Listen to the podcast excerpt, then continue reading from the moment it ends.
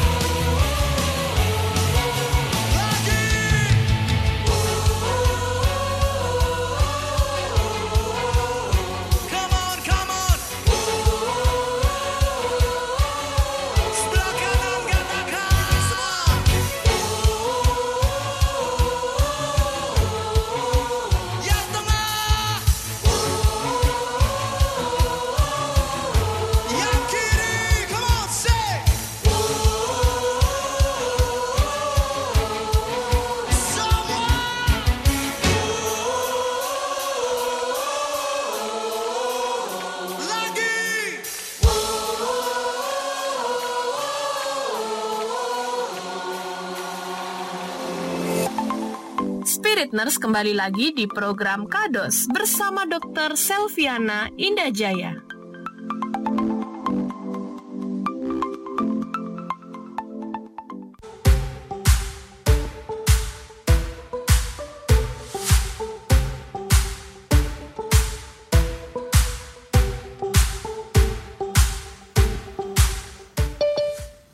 Masih di kata Dokter Spirit bersama Sally Sharon dan juga Dokter Selviana Indah Jaya yang akan berbagi ilmunya nih sama kita pagi hari ini. Nah buat Spirit Nurse ya yang tadi kan udah dikasih bocoran nih sama Sharon, kita mau bahas tentang kanker hati. Nah yang mau tanya-tanya banyak banget nih caranya, tapi bisa pakai aplikasi Spirit online nih. Jadi langsung pilih aja, bisa WA, bisa Zoom, bisa apa lagi ya? Instagram, YouTube juga, betul banget. Lo Dan- tinggal dipilih Mm-mm. aja, diklik ya linknya mau yang ke mana gitu. Mau nanya langsung sama dokternya via Zoom gitu ya. Betul. Kalau lewat WA nanyanya lewat kita dulu ya. Iya. Baru ke dokter. Betul banget. Tuh. Oke kita langsung aja nih dok. Jadi kanker liver itu apaan sih dok? Oke, selamat pagi ya semuanya. Eh, saya akan menjelaskan terlebih dahulu nih kanker liver sebenarnya itu apa. Nah, kanker liver itu banyak sekali, eh, sorry, disebut atau yang banyak dikenal oleh masyarakat itu namanya sirosis ya. Hmm. Sirosis. Jadi kalau orang itu bilang, oh ya ini kena sirosis, kena sirosis. Nah, sirosis itu merupakan uh, salah satu ciri daripada kanker kanker liver ya. Dan sirosis itu um, sering kali terjadi karena uh, hati atau liver itu ukurannya menjadi lebih kecil atau mengkerut ya, gampangannya seperti itu. Jadi livernya mengkerut. Nah, ketika sudah terjadi sirosis itu biasanya sudah masuk ke dalam kanker liver tahap lanjut. Jadi kanker Hmm. liver sendiri itu di sini kita uh, mengenal ada dua, yaitu yang primer dan yang sekunder. Di mana Hmm. yang primer itu memang terjadinya langsung kerusakan baik pada liver maupun pada uh, pembuluh darah ataupun pada kantung empedu. Jadi kalau untuk kanker liver yang primer itu livernya sendiri yang mengalami kerusakan. Ya. Sedangkan yang kedua itu namanya adalah uh, sekunder, di mana Hmm. sekunder ini biasanya terjadi akibat dari uh, kanker lain, kanker di tempat lain yang menyebar sampai ke liver. Nah, kalau Oh. kanker di tempat lain ini yang Hmm. paling sering memang uh, ada kanker untuk usus besar, kanker paru yang paling sering, dan kanker payudara. Nah, itu kankernya menyebar sampai ke liver. Akhirnya livernya ikutan kanker, gitu ya. Nah, Hmm. itu yang disebut dengan kanker sekunder karena uh, terjadi kerusakan yang diakibatkan oleh uh, kerusakan sel di organ yang lain, di tempat yang lain, seperti itu. Oke. Dok penyebabnya sendiri apa ya dok ya dari kanker ini dok? Eh, tadi kan eh, awal mulanya sirosis ya. Penyebab dari sirosisnya ini apa ya dok kebanyakan? Oke, jadi sirosis itu merupakan ciri ya, ciri daripada kanker livernya ya.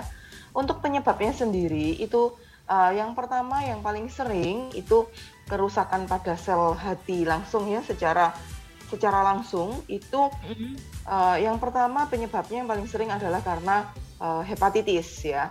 Oh. Jadi Hmm. uh, ah jadi spirit nurse kalau misalnya nih uh, pengen tahu apakah uh, saya mengidap hepatitis atau tidak, nah itu Mhm. silahkan kalau ingin medical check up silahkan. Karena apa? Hepatitis di sini yang paling sering menyebabkan kanker liver itu ada hepatitis B dan hepatitis C. Oh. Itu yang pertama karena hepatitis karena virus hepatitis itu yang pertama. Kemudian yang kedua itu biasanya disebabkan bisa juga karena kebiasaan yang tidak baik ya. Yang pertama adalah konsumsi alkohol. Nah, Hmm. pada pasien-pasien dengan konsumsi alkohol berlebih dalam jangka waktu panjang itu bisa menyebabkan kanker liver. Hmm. Ya, kemudian eh, bisa juga karena eh, pola hidup yang tidak baik lagi, kembali lagi yaitu eh, kurang olahraga, kemudian kadar kolesterol yang sering kali naik turun dan tidak terkontrol. Nah, itu juga bisa menyebabkan kanker liver, tetapi Dari dalam jangka kolesterol, waktu panjang. berarti dari kolesterol itu bisa menyebabkan kanker hati ya dok ya? Eh, secara langsung tidak, tetapi biasanya eh, orang dengan kolesterol yang naik turun tidak terkendali itu sering kali menyebabkan fatty liver. Nah, Hmm. fatty liver atau perlemakan pada liver dalam jangka waktu panjang apabila tidak dikendalikan Mm-mm. eh, pada sebagian kecil orang bisa menjadi kanker liver. Sebagian kecil orang ya, Oh. Berarti nggak Seperti selalu ya itu. dok ya? tidak selalu itu hanya sebagian kecil orang saja. Hmm. begitu. Jadi itu adalah uh, gejala, ah, sorry, penyebab utama yang paling sering uh, menyebabkan kanker liver. Jadi ada virus hepatitis itu yang paling sering. Kemudian uh, konsumsi alko- alkohol berlebih uh, yang apa ya masif ya. Jadi kalau uh, Mabuk-mabukan alkoholik gitu ya dok. Nah, alkoholiknya sampai harus ditangani khusus oleh dokter tertentu. Nah, itu dia. Itu biasanya uh, dalam jangka waktu beberapa tahun Hmm. apabila terjadi yang namanya kerusakan kelainan pada sel-sel liver, dia akan berkembang menjadi kanker. Begitu. Hmm. Oke.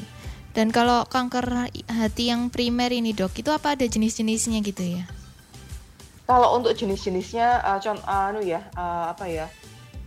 Ya jenis ya bisa dikatakan jenisnya itu yang pertama yang paling sering adalah kerusakan langsung pada sel liver itu Mm-mm. terjadi 75% pada kanker liver rata-rata adalah jenis yang ini yang kita Mm-mm. sebut dengan yang namanya hepatoseluler karsinoma. Kemudian ada juga uh, karsinoma lain, karsinoma itu kanker ya. Karsinoma yang namanya liver angiokarsi, kars, eh, sorry, liver angiosarkoma. Itu terjadi keganasan atau perubahan sel pada pembuluh darah di liver. Namanya liver angiosarkoma. Kemudian yang berikutnya ada ya kolangio namanya karsinoma, betul sekali. Semuanya karsinoma ya, sarkoma dan karsinoma itu adalah uh, sebutan yang kita biasa gunakan untuk jenis-jenis kanker ya. Kalau kolangio karsinoma itu berasal dari empedu.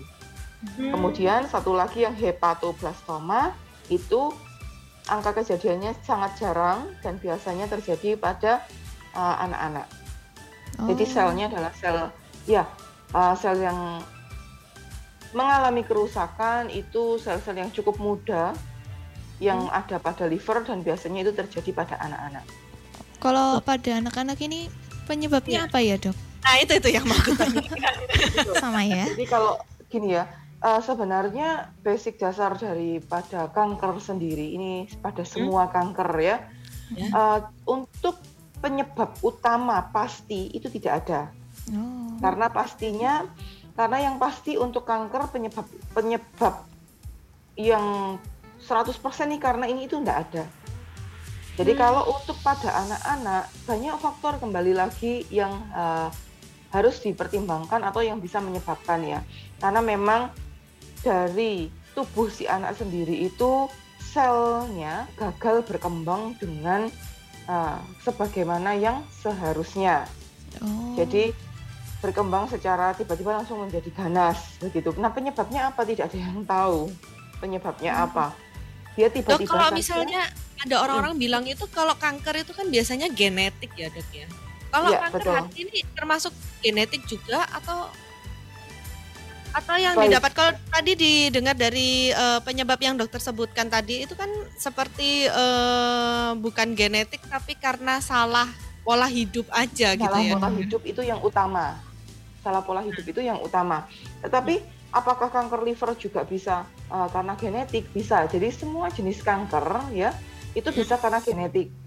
Tetapi biasanya angka kejadiannya tidak banyak. Begini, apabila seseorang itu dalam anggota keluarganya ada yang menderita kanker, itu artinya sel tersebut sudah ada di dalam tubuh orang tersebut ya. Hanya tinggal menunggu saja apakah dia dipicu untuk menjadi ganas atau tidak. Oh. Nah, pemicunya apa? Pemicunya yang utama adalah pola hidup. Oh begitu. Gitu. Ya, Iya. ya berarti istilahnya resikonya akan lebih tinggi kalau eh, ada keturunan yang kena betul sekali. Jika ada anggota Kanker keluarga gitu ya. sedarah, betul, anggota keluarga sedarah yang menderita kanker, maka resiko untuk terjadinya kanker pada pasien tersebut menjadi lebih tinggi daripada orang yang tidak ada em, tidak ada anggota keluarga yang sedarah yang terkena kanker begitu. Oke. Kita Jadi coba hanya eh, resikonya aja, resikonya iya. aja lebih Heeh. Dan ini udah ada yang gabungan dok. Mungkin mau Betul. bertanya dulu sama dokternya. silakan. Nah, dari Yeremia. Iya, ini Shalom dari Yeremia. Shalom, Yeremia. Shalom. Shalom. ya, Baik, ya, silakan. Yeremia mau bertanya apa nih tentang kanker hati? Ya ini memang ini kita bahas ini mas tentang jenis-jenis ini ini jenis-jenis mas ma- masalah kanker hati ini memang seperti ya ini Ya. seperti memang sirosis ya. Ya, betul. Ini saya mau tanya apa gejala penceg- dan juga pencegahan dari kanker hati itu sendiri? Baik. Oke. Oke. Ada pertanyaan lain atau mau langsung dijawab? Ada pertanyaan lagi Yeremia? Langsung la- la- lanjut materi. Oke. Terima kasih. Yeremia. Ya. Terima kasih. Makasih, Tuhan berkati. Tuhan berkati. Ya, Eh, berarti Ah. kita nanti akan bahas pasti ya dok ya betul, untuk pastinya. untuk gejala Pengobatannya. dan cara cara mencegahnya gitu ya. Betul sekali. Nah, tapi sebelum itu dok, saya yang tanya duluan dok. Yang Waduh. tadi sempat sebutkan yang apa dok kok kolangio ya dok ya, kolangio Iya. apa gitu ya, Ya, Iya, namanya- kolangiosinoma. kolang kaling gitu ya rasanya. Ingatnya tuh makanan aja gitu, Oh, heran. Iya. Yang dari empedu itu ya dok ya, itu Iya. penyebabnya apakah karena eh, batu empedu? Karena kalau yang setahu Sharon ya dok ya, itu biasanya Iya. penyakit-penyakit yang ada di empedu itu kan ya paling ya batu empedu gitu kan dok. Iya, betul, betul, betul, betul. Betul sekali, Sharon. Jadi, eh, untuk kolangiokarsinoma itu sebenarnya gini ya, kembali lagi bahwa kanker itu terjadi perubahan sel yang normal menjadi abnormal, begitu ya. Mm. Jadi basic dari semua kanker itu adalah sel kita ini sebenarnya normal, tiba-tiba dia menjadi tidak normal, Mm-mm. jadi pertumbuhannya menjadi ekstra, eh, terus kemudian dia tiba-tiba mengganas gitu ya. Jadi Mm. tumbuh tidak semestinya eh, atau perubahan sel tadi. Demikian pula dengan kolangiokarsinoma itu juga sama di empedu. Penyebabnya apa?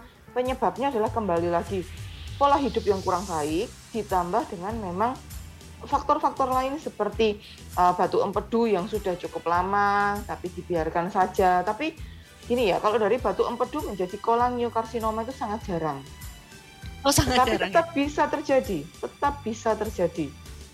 Karena kembali lagi bahwa karsinoma atau kanker itu terjadi perubahan dari sel tubuh. Sel yang normal tiba-tiba menjadi tidak normal secara Oke. langsung. Nah, selain daripada itu juga misalnya nih, oh ternyata setelah di USG, eh, USG abdomen, dokternya melihat bahwa di dalam empedu ternyata ada kista. Nah, itu juga bisa. Oh, tidak hanya uh, batu empedu, betul. Tapi untuk angka kejadian kolangiokarsinoma itu sedikit. Yang paling sering adalah yang pertama yaitu hepatoseluler karsinoma. Jadi langsung sel livernya yang berubah. Berubah ini karena yang tadi ya dok ya karena mengalami kerusakan itu tadi. Betul sekali. Jadi berubah itu penyebabnya apa dok? Kita nggak ada yang tahu 100%. Mm-mm. Untuk semua kanker tidak ada penyebab 100% karena apa? Ya, tetapi yang pasti pola hidup itu sangat mempengaruhi perkembangan dan pertumbuhan sel kanker. Hmm. Ya, oke baik Oke. Kita putar satu pujian dulu ya dok Iya. ya. Oke, Dan baik. kita sambil nunggu ya buat semua spiriters mungkin ada yang masih ber- mau bertanya nih seputar kanker liver. Kita tunggu setelah pujian berikut ini.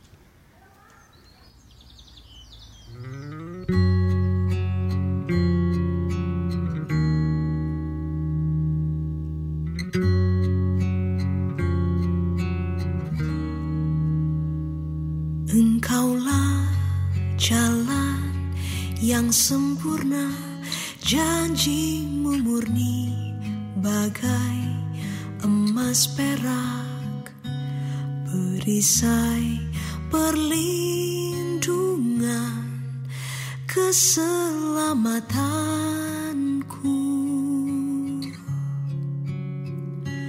Engkaulah jalan kebenaran.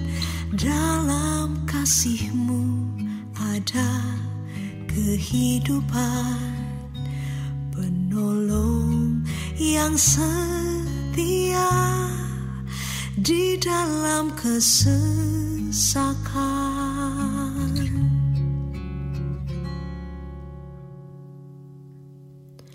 Bagaikan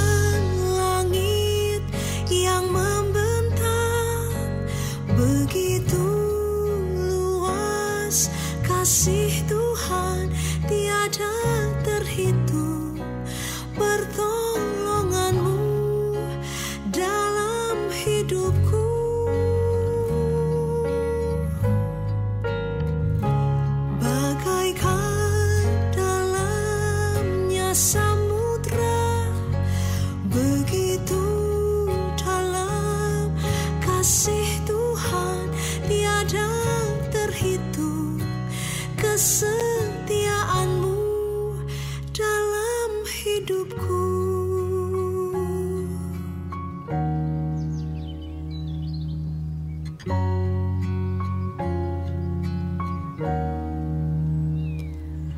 Kaulah jalan kebenaran dalam kasihmu ada kehidupan penolong yang sejati.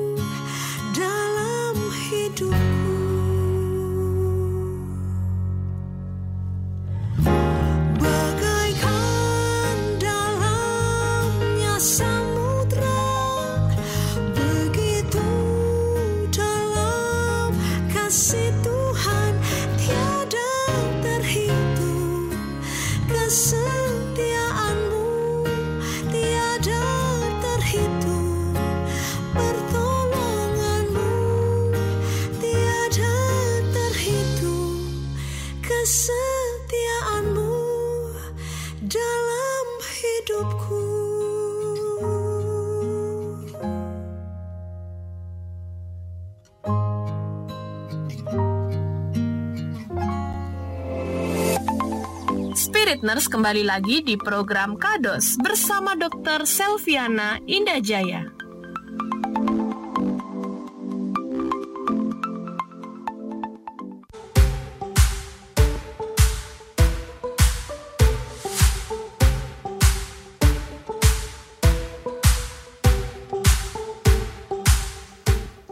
Oke, masih di kata dokter spirit ya bersama dokter Selviana Indah Jaya.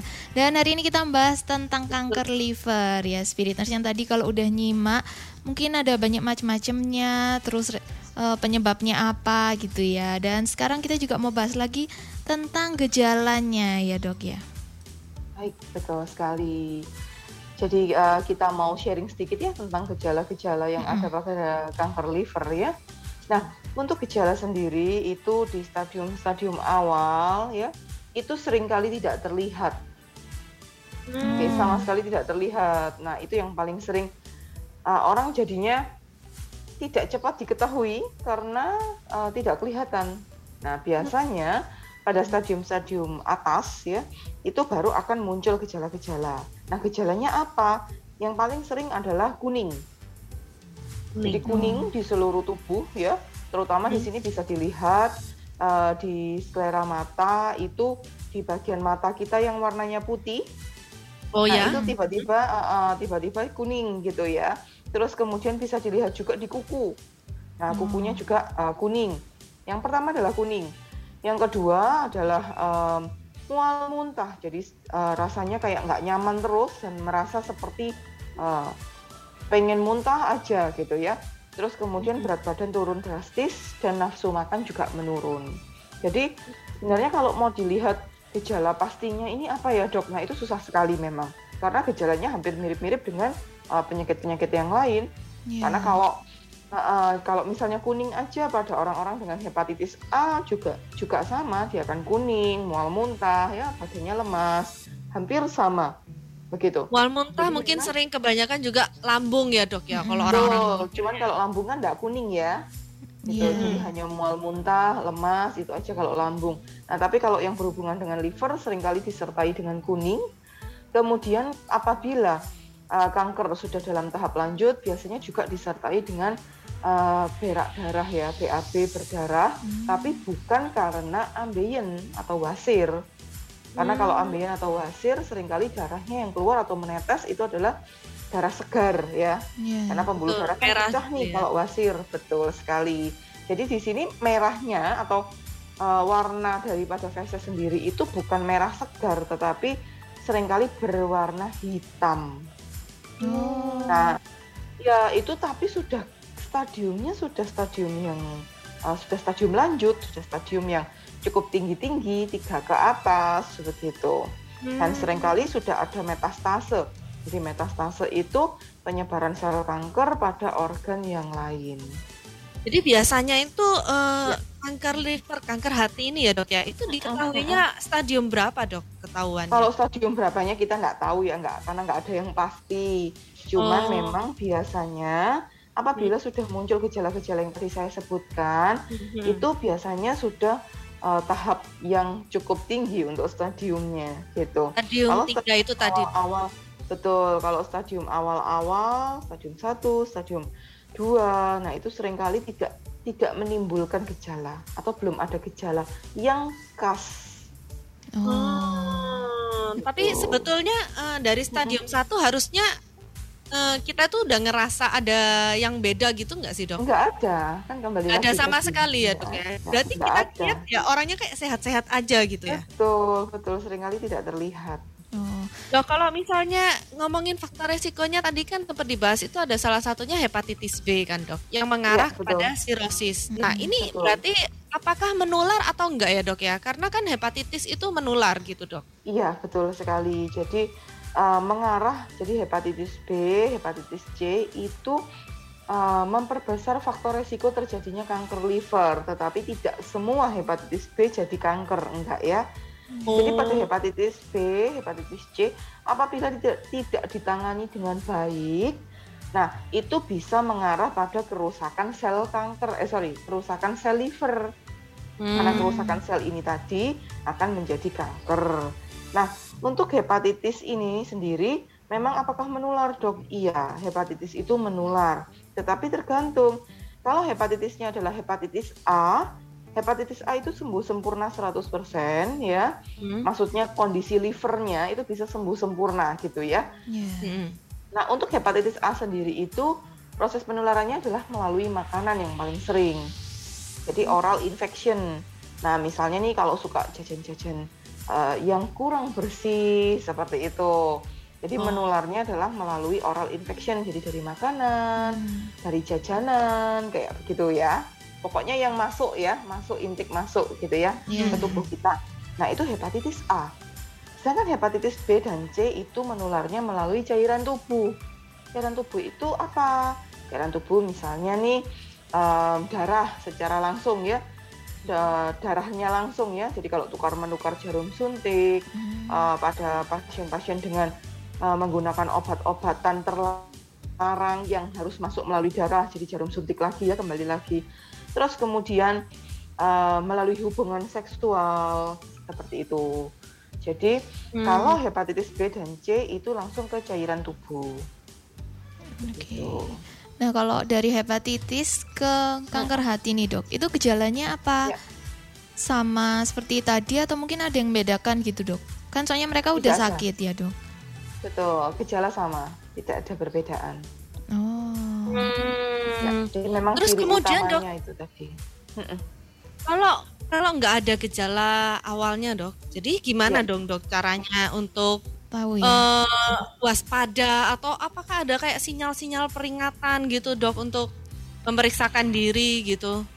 Iya, yang pasti kalau saya sih lebih ke arah screening saja ya, karena kan untuk di awal kan tidak bisa kita ketahui secara langsung melalui em, apa? Eh, melalui gejala secara Mm-mm. langsung di awal eh, kanker. Nah kalau saya yang pasti adalah bisa dilakukan pemeriksaan screening. Jadi pemeriksaan screening di sini ada pemeriksaan-pemeriksaan liver yang pastinya eh, spiriters pasti sudah pada apa ya sampai hafal gitu ya. SGOT, SGPT Iya, biasanya dok kalau liver itu. SGOT, iya, pemeriksaan-pemeriksaan fungsi liver, SGOT, SGPT, kemudian juga ada gamma ya, gamma GT, Hmm. kemudian ada bilirubin, eh, lalu alkali fosfat dan albumin. Nah, pada pemeriksaan-pemeriksaan itu eh, paling tidak kita melakukan screening nih apakah eh, fungsi liver saya baik atau tidak. Nah, selain daripada itu juga harus tahu apakah memang terinfeksi virus hepatitis atau tidak. Jadi saran saya di situ ditambahkan pemeriksaan untuk hepatitis B dan hepatitis C. Hmm. Jadi kita tahu uh, apakah uh, apakah saya ini mengidap hepatitis B atau hepatitis C yang mana Tapi tidak begini, Dok. gejala apa-apa gitu ya. Untuk screening screening atau medical check up yang biasa eh, orang lakukan itu kan, biasanya Ya. itu kan nggak sampai mendetil di bagian livernya ya, Iya. Dok, ya. Benar, betul. cuman kayak SGOT, SGPT gitu yang Betul dilakukan. sekali. Nah, Ya, betul. Kalau dari SGOT, SGPT untuk tahap awal dari kanker liver ini apa kelihatan ya dok ya? biasanya Meningkat? terlihat betul biasanya akan ada peningkatan sekalipun itu tidak langsung signifikan tetapi biasanya ada peningkatan Oh peningkatannya nggak langsung eh, tinggi gitu dok? Soalnya kan Enggak. kalau setahu saya kalau hepatitis itu kan tinggi gitu ya dok ya SGOT. sekali Jadi Kalau kembali kanker begini. Naik sedikit gitu termasuk alarm juga gitu ya dok ya? Ya, jadi begini, kembali lagi bahwa untuk pemeriksaan laboratorium itu kan sebenarnya adalah pemeriksaan penunjang. Yang mana pemeriksaan penunjang itu tidak boleh kita jadikan sebagai dasar utama, Mm-mm. karena dia adalah pemeriksaan Oh. penunjang, ya. Bukan dasar utama memang. Oleh karena itu biasanya kita akan menyarankan eh, pasien itu untuk melakukan medical check up. Tapi medical check up-nya ini apa, Dok? Medical check up itu biasanya kita akan bantu dengan menggunakan medical check up dasar. Nah, di sini akan dilihat juga. Jadi bukan SGOT, SGPT saja, hanya itu aja yang dilihat tidak. Tapi kita akan melihat secara uh, garis besar. SGOT, SGPT kita lihat, kemudian uh, apa namanya ini? Untuk hepatitisnya juga kita lihat apakah ada ada positif atau tidak ke arah hepatitis. Kemudian pasti kita juga akan tanya apakah ada gejala-gejala tertentu yang dirasakan oleh pasien. Nah, jadi kita akan cross check antara gejala, kemudian uh, memang tadi ya pemeriksaan lab itu adalah pemeriksaan penunjang. Jadi labnya akan kita lihat. Satu lagi adalah pemeriksaan fisik apabila diperlukan. Jadi kita bisa tahu oh ini dari pemeriksaan fisik oh dokternya meraba bahwa oh ini ada kemungkinan livernya membesar. Oh ini ada begini, ada begini. Nah, itu uh, butuh keahlian khusus dari dokter sendiri. Berarti lebih baik dok kalau eh, orang-orang yang mau medical check up itu lebih baik konsultasi terlebih dahulu ya dok ya. Yang mau dicekkan itu apa gitu ya. Betul sekali. Jadi Soalnya kalau kadang-kadang mau kalau pergi ke lab itu kan sudah ada paket-paket gitu kan. paket-paket Tinggal tunjuk aja gitu dipaketkan. Iya, betul. Tapi kalau misalnya nih eh, maunya em, sebelum pemeriksaan mau konsultasi dulu, mau tanya-tanya dulu boleh. Atau setelah pemeriksaan mungkin setelah ambil paket-paket yang itu pasti di lab kan juga ada dokternya ya, gitu ya. Jadi boleh ditanyakan juga ke dokternya, dok ini maksudnya apa, ini artinya apa ya silahkan. Tapi maksudnya lebih baik kalau sebelum mengambil paket konsultasi dulu ya dok ya, biar Sesuai supaya. kebutuhan sih. Kalau saya sesuai kebutuhan aja. Oh oke kalau Mm. gitu. Jadi eh, untuk deteksi awal dari kanker ini sendiri berarti melalui medical check up yang rutin ya dok ya. Betul sekali Itu melalui medical check up baiknya rutin. berapa lama sekali dok? Kalau saya optimalnya adalah enam bulan sekali, maksimalnya satu tahun. Oh berarti paling nggak setahun harus sekali gitu ya Satu check kali, up betul. ya. Optimal enam bulan, eh, minimal satu tahun. Hmm. Oke. Nah, selain dari itu juga ada pemeriksaan yang lain nih. Kalau misalnya ingin tahu, em, apabila dari anggota keluarga ada yang menderita eh, kanker dan sobat spirit ingin tahu nih, apakah saya ada faktor resiko juga ke arah sana, itu eh, kami dari Prodia itu ada satu pemeriksaan yang namanya eh, CARIS ya, kanker RIS, jadi resiko kanker itu Mhm. kita ceknya melalui DNA tubuh kita. Mm-mm. Nah, di situ sudah ada kurang lebih 10 kanker yang akan dicek melalui DNA. Oh. Oh bisa ya dok Gitu. ya. Jadi Berarti khusus kita untuk Nah, kankernya. sekarang kami ya, sekarang kami bersahabat dengan DNA ya. Jadi langsung dari DNA begitu. Eh, berarti bisa diketahui kalau misalnya saya cek itu eh, resiko saya tuh terkena kanker yang mana begitu ya dok ya maksudnya ya. Betul sekali itu maksudnya. Jadi resikonya saja ya, tidak 100%. Oh, pasti kalau begini nanti misalnya nih, oh terindikasi ada resiko ke arah kanker eh, misalnya em, serviks atau kanker payudara. Ini ada nih resikonya misalnya. Wah, langsung begitu. kepikiran Nah, pasti, nah pasti ini akan terjadi terjadi hal itu gitu. Itu tidak juga karena nantinya akan eh, diajari atau diberikan informasi kalau hasilnya seperti ini, indikasinya ke arah kanker yang ini, eh, resikonya nanti akan diajari pola hidup yang baik seperti apa terkait dengan resiko kanker tersebut. Wah, untuk Hmm. pencegahan bagus banget ya itu Sharon berarti. Betul betul betul supaya Ya, lebih waspada gitu kan Iya. dan supaya sel kankernya nggak nggak dikasih makan terus gitu kan. Hmm. Jadi harus Betul, ada betul, tindakan betul. pencegahan dan kita akan kembali eh, setelah satu pujian dan kita akan membahas tentang pencegahannya nih berikutnya nih spirit. Baik, Tetap di baik. irit.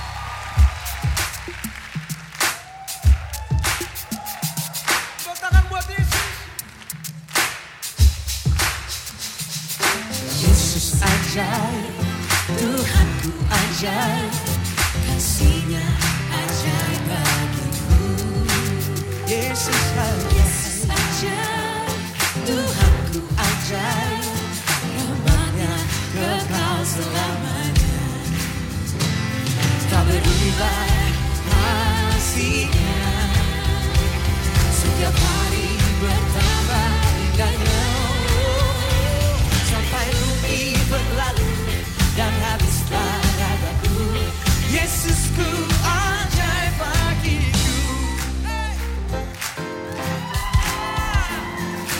Yesus ajaib, Tuhanku ajaib, kasihnya ajaib bagiku.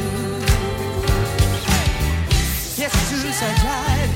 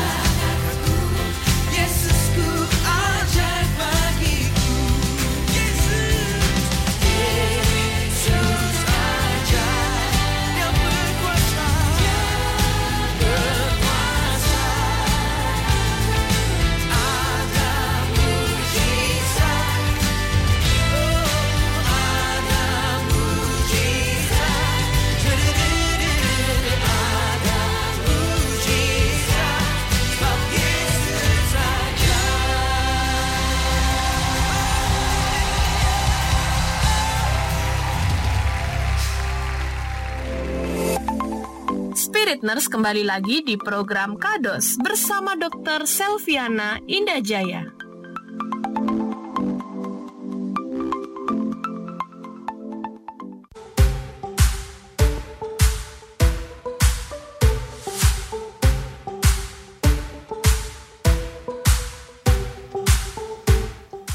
Kita masih ngomongin yang namanya kanker hati ya. Iya, kita masih betul. ke mana-mana. Jadi tadi kalau dikasih tahu spirit nurse penyebabnya tadi kan kita udah tahu pola hidup yang kurang baik gitu Iya. kan. Terus kemudian ada penyakit-penyakit juga, misalnya hepatitis gitu. Jadi ke- buat kamu yang mungkin sekarang lagi mengalami patah hati, kalian Oh, tenang bukan aja. bukan patah hati.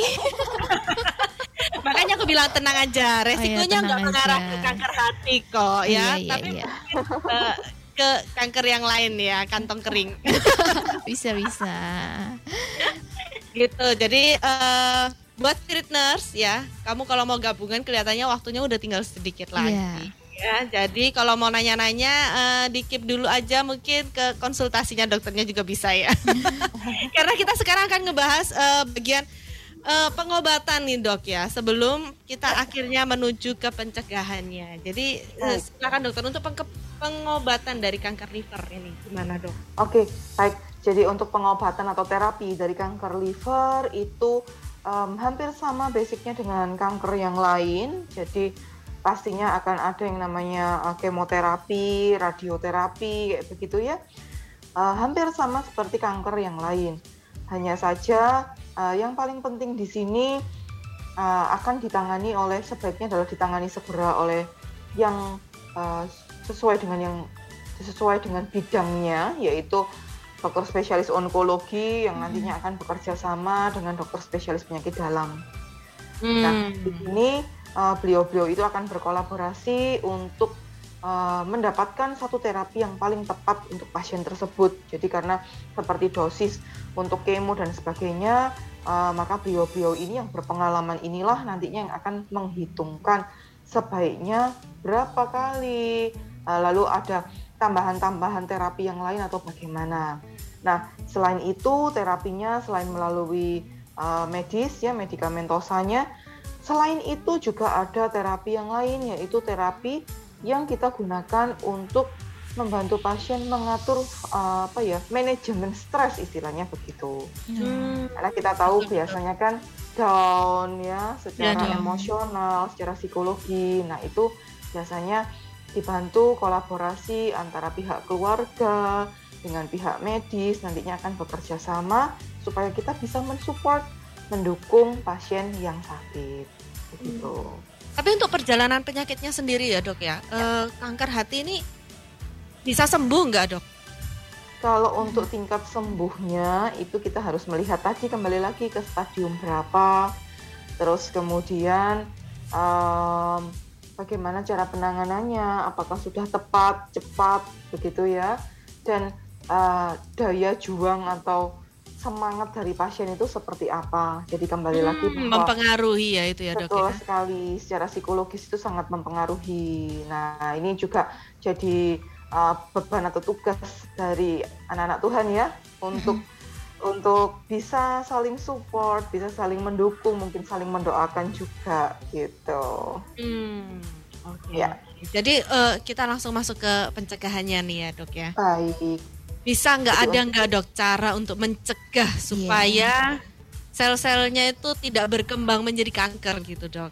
Baik, jadi untuk pencegahan itu yang paling penting adalah kita rutin untuk medical check up, kemudian eh, selain itu pencegahan yang lain adalah pola hidup yang sehat. Jadi kalau bisa nih eh, zaman sekarang ini kan semuanya pada hobi begadang ya, Wah, iya. Ah, nah itu juga akan mengganggu fungsi kerja dari liver. Jadi livernya kan kepengen istirahat nih.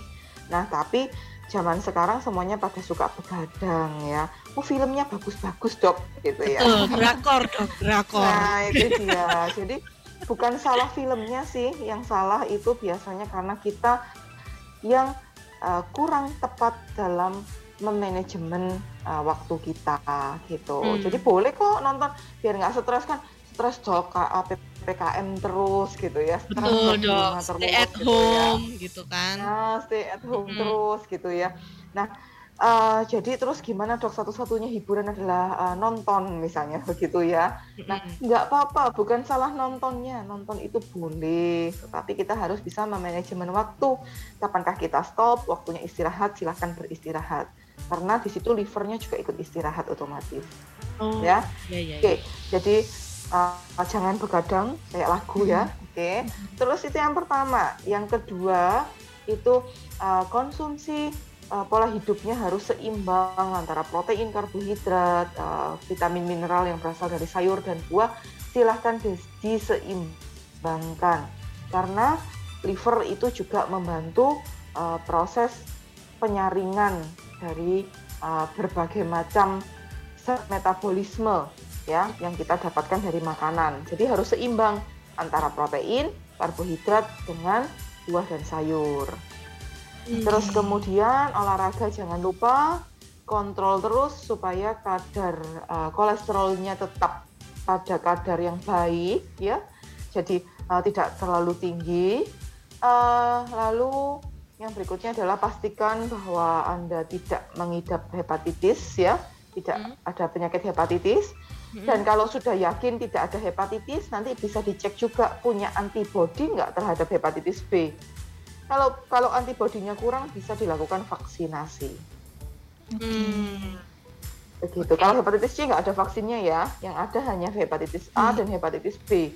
Cuman yang lebih urgent, lebih diutamakan, kita sarankan untuk selalu he- vaksin itu adalah yang B. Yang B ya dok ya. Ah, ah, disarankan ya. Tapi kalau saya mau A dan B dok, oh malah bagus.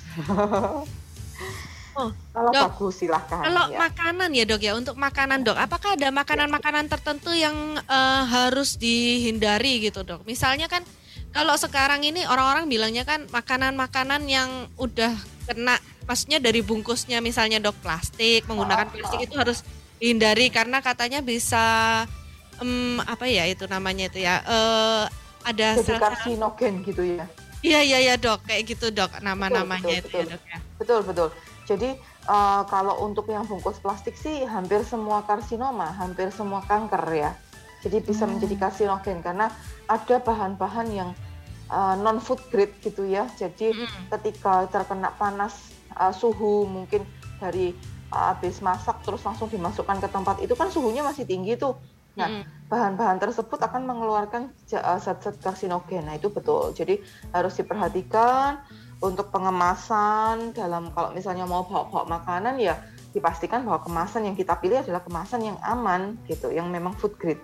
Hmm, kalau yang plastik Lalu kemudian food grade, yang- berarti itu aman Hmm. aja ya dok ya.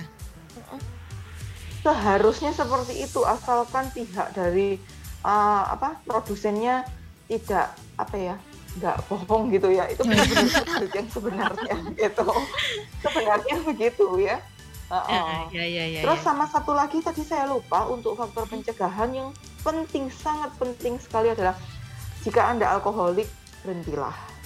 Itu Oh saya. ya betul betul betul yang alkoholik itu ya dok ya. Ya, Bertobatlah kerajaan sangat- Allah. Karena itu sangat sangat sangat sangat memicu.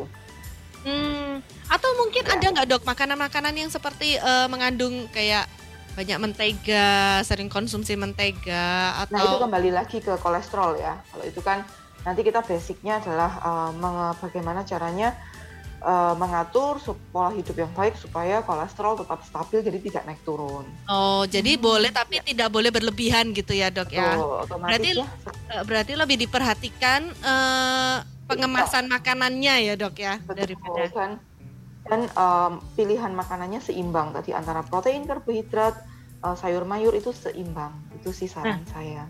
Terus kemudian dok, ini terakhir ini dia dok ya. Serius ini terakhir. Ini tentang obat-obatan rutin dok yang dikonsumsi. Kadang-kadang kan kalau misalnya ada yang terkena diabetes atau hipertensi, itu kan mereka kan mengkonsumsi obat-obatan terus-menerus ya dok ya.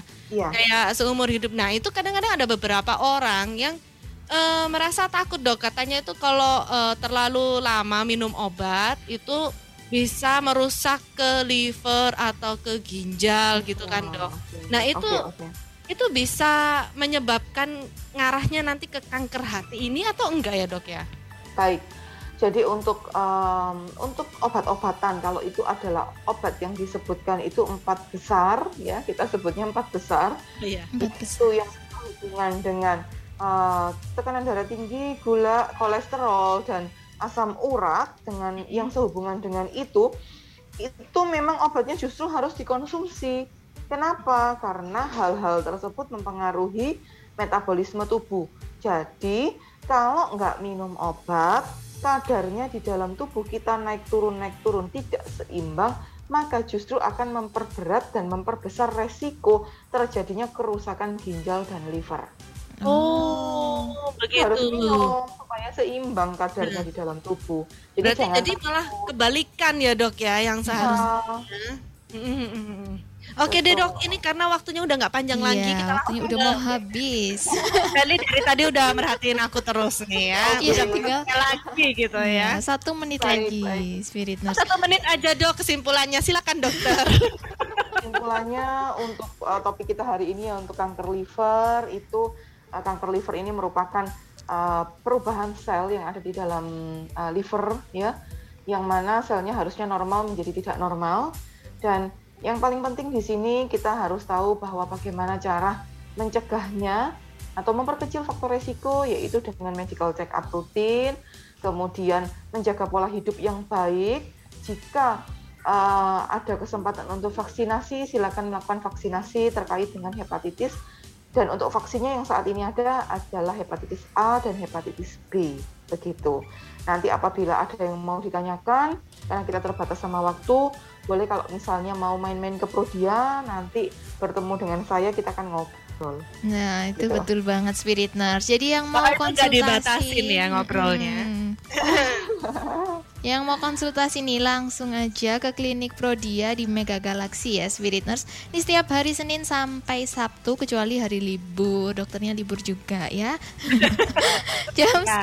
Setengah delapan pagi sampai jam 11 siang. Dan yang mau telepon dulu bisa di 031 599 1010. Langsung aja sekarang juga ya mungkin yang mau konsultasi ada dokternya di sana. Betul sekali. Betul, betul sekali. Ini perlu appointment dulu atau langsung datang ya dok ya? Langsung datang aja pokoknya di range waktu jam setengah delapan sampai jam 11. Oke, jadi bisa langsung datang nih Spirit. Oke, thank you semua buat yang udah gabungan ya. Terima kasih juga untuk Dokter Selfie yang Iya, udah berbagi terima kasih dokter. gitu. Terima kasih dok, Tuhan Yesus memberkati. Terima kasih. Dan untuk Spirit Nurse yang lain ya, kalau kalian eh, baru aja ngebuka Radio Spirit dan kalian lihat lo ini udah kelewatan gitu kan, kalian bisa putar ulang nih ada di YouTube. YouTube Spirit Online. Betul. Jadi kalian bisa putar ulang di YouTube dan buat yang udah gabungan thank you banget dan Iya. akhir kata ya kita mau ucapin Ya. Tuhan Yesus memberkati. Tuhan Yesus memberkati.